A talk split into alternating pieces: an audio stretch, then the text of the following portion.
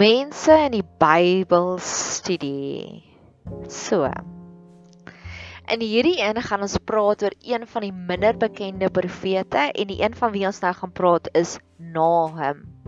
Nahum was een van die minder profete soos jy aan die einde van die Ou Testament blaai gaan jy sien daar's Jesaja, Jeremia, Esegiel, Hosea, Daniël, al die meer bekende profete en dan as jy nog ander blaai gaan jy uitkom by hierdie profete wat 'n een hoofstukkie of 'n twee hoofstukkie of soos Nahum 'n drie hoofstukkies geskryf het. En God het vir Nahum gestuur na die stad Ninive toe.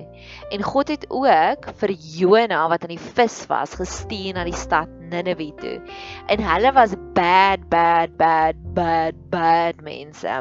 Ek het al een keer die roemer gehoor dat in die stad Ninive as hulle 'n as hulle oorlog gevoer het en hulle oorwin hierdie een land of nog 'n land, dan sou hulle al die wêreld lei of al die leiers van daardie plek sou hulle gevat het.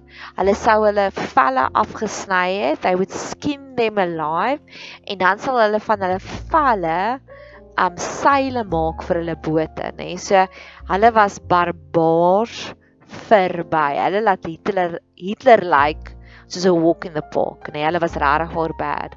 So God stuur vir Nahum na Ninive toe om vir Ninive te sê: "Wees versigtig. Ek sien raak wat julle doen en ek gaan dit nie hier laat los nie." So hy het hulle gaan waarsku.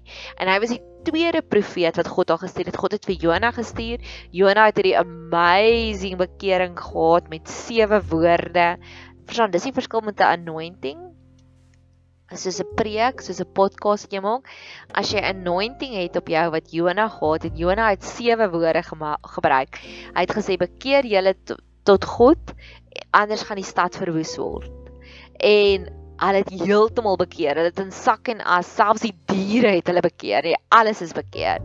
Waarna hy moet gegaan en ons het geen fisiese resultate dat dat ooit enigiets gebeur nie. Nou om dit bietjie meer toepaslik te maak, om dit bietjie meer nader aan die huis toe te bring. Heidiglik in die Grendelgreep. Altyd, nog my hele lewe lank, vandat ek 'n klein dogtertjie is, love ek mysteries. My ma het vir my verlore skakels die boek gekoop en um UFO unexplained dat ek het al daai boeke verslind. Ek het hulle van voor tot agter gelees. Hulle het gelyk soos my Bybel nou lyk. Like, ek het dinge geonderstreep. Ek het 'n kere gegaan en ek kan vir jou goeders vertel van die spook van Uniondale en allerlei ander spooke. En nou het ek en ek love ook 'n goeie conspiracy theory, maar ek besef ook daar's geen nut daarin nie.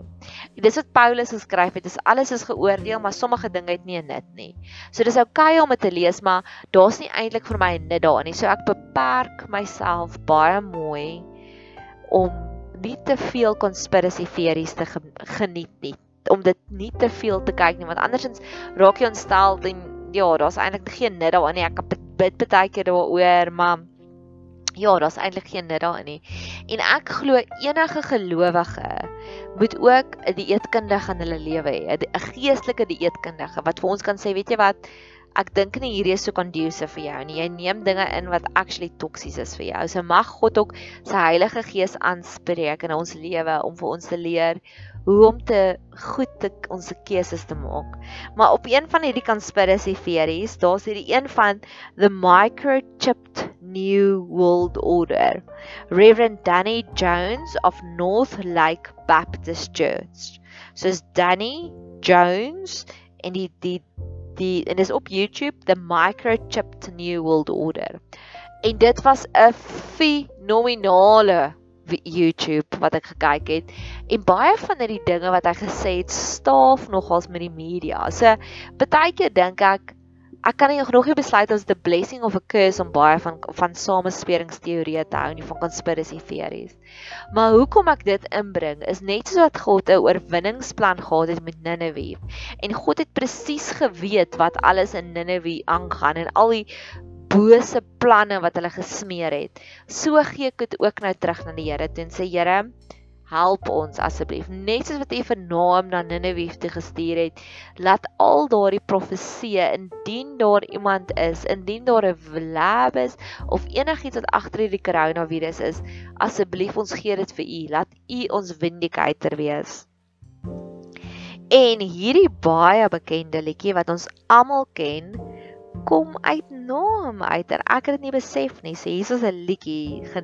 O, oh, wag, wag, wag. Voordat ek sê geniet dit. Hierdie liedjie kom daar uit.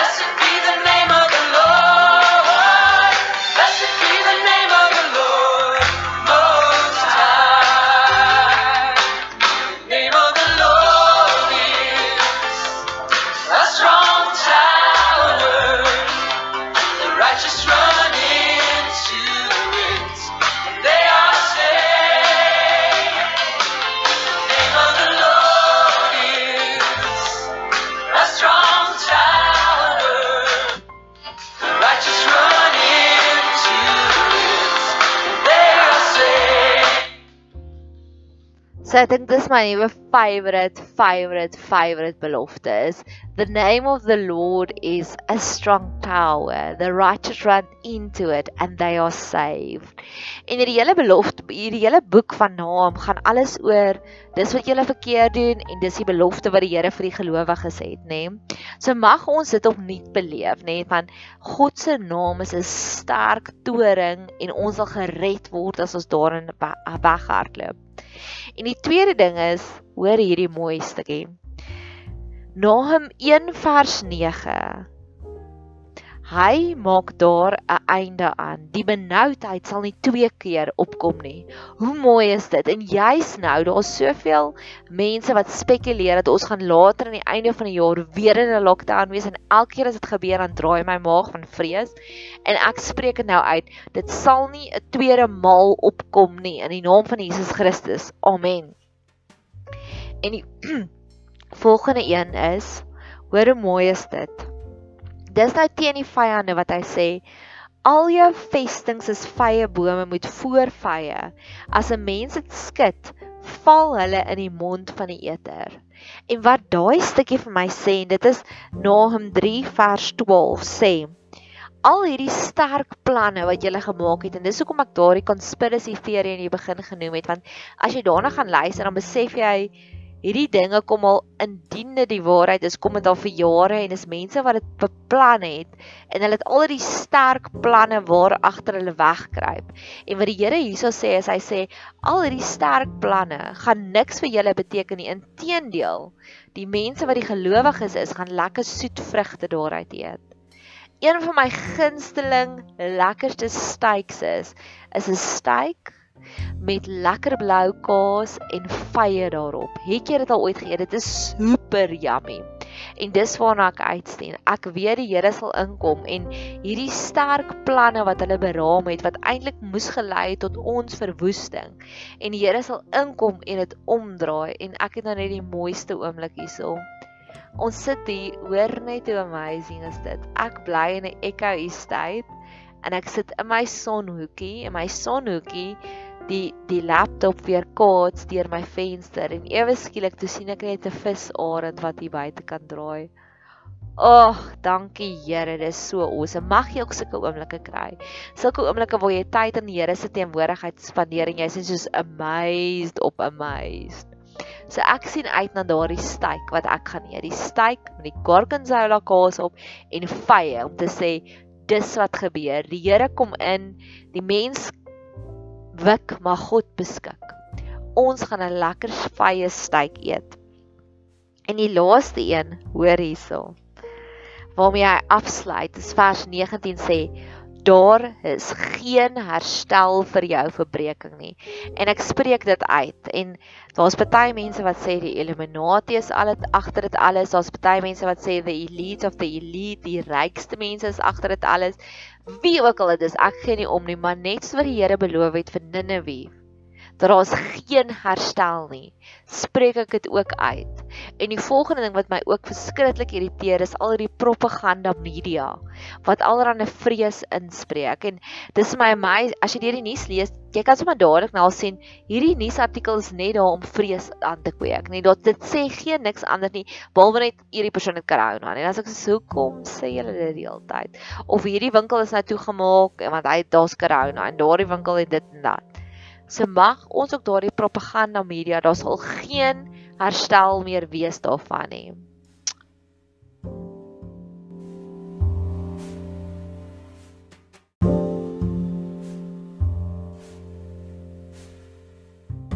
Die volgende een waar ek wil gesels is Naomi. So sy's bietjie meer bekend, Rut, die verhaal van Rut en Naomi en Orpen.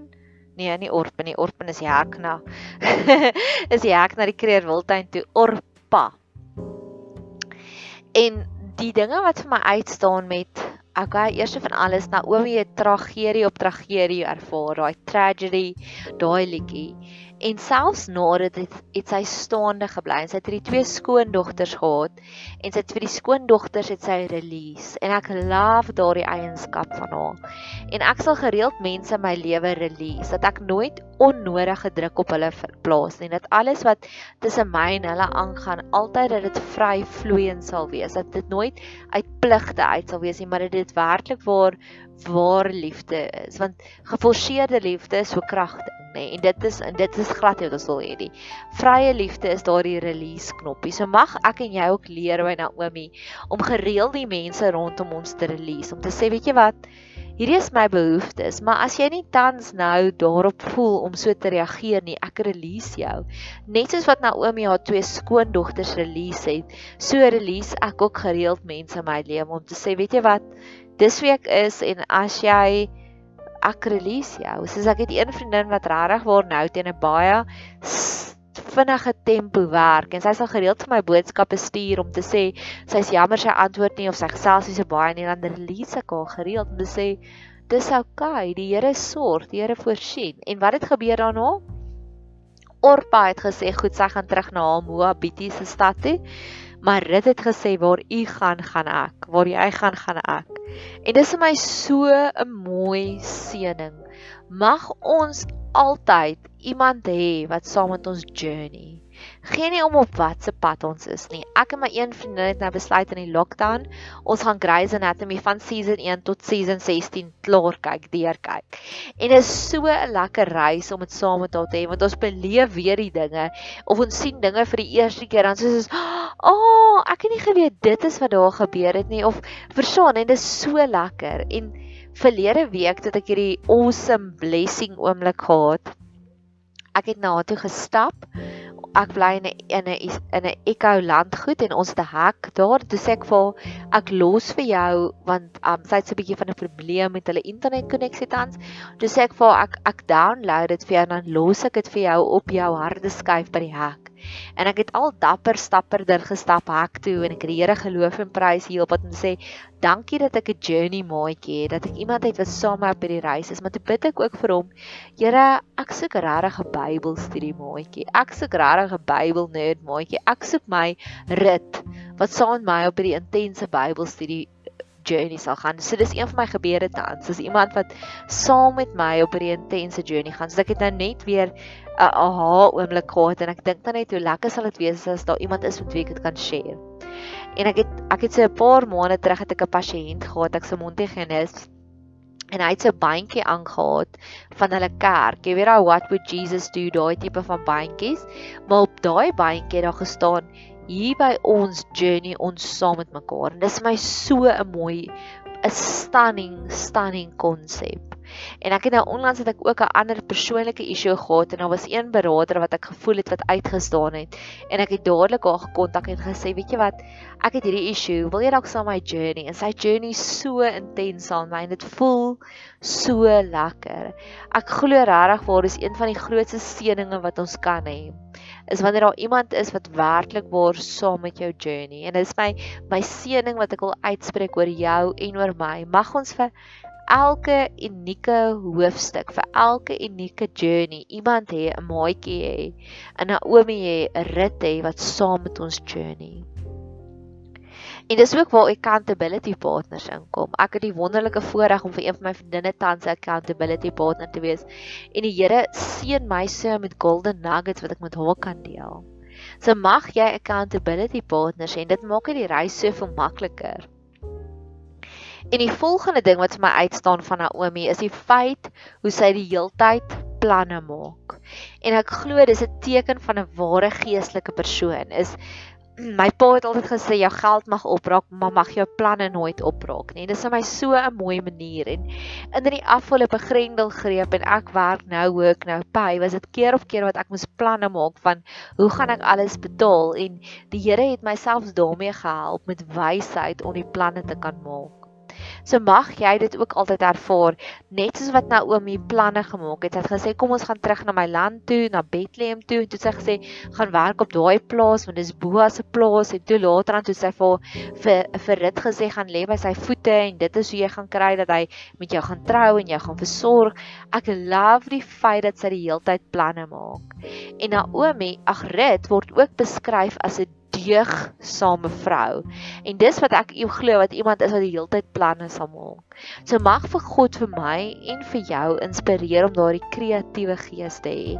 Ek het al op een van die vorige potgoeie het ek gepraat van daardie voice nou die klankboodskap wat ek gekry het van nuwe innoverende maniere om besigheid te maak. En mag ons altyd dit kry. En die Here is so amazing. Ek het oor die naweek het ek met my tannie gepraat en ek het vir haar gevra, "Vertel my 'n bietjie van ons familie, van my ouma en oupa, want ek was baie jonk toe hulle oorlede is." En sy het van die mooiste storie vertel van hoe het my ouma die hele tyd planne gemaak om die familie te versorg. En sy het op 'n stadium met sy het sy planne gemaak en sy het vir my oupa gesê kom ons gaan werk vir hierdie organisasie want hierdie organisasie het soveel meer voordele en ek was so trots op haar op daai punt en ek het gesê wow dit maak sin dis hoekom jy en my ma sulke sterk vrouens my ma sal oor jy 'n sterk vrou was en jy is ons nie so sterk vrou want dit dit hardloop in ons DNA en ek was so trots op daai oomblik om te besef dis wat in my DNA is ek is 'n Naomi ek is 'n plannemaker So mag jy ook in alle omstandighede waarin jy is, altyd die God se genade hê om daardie planne te maak. Mag jy 'n super geseënde dag hê verder.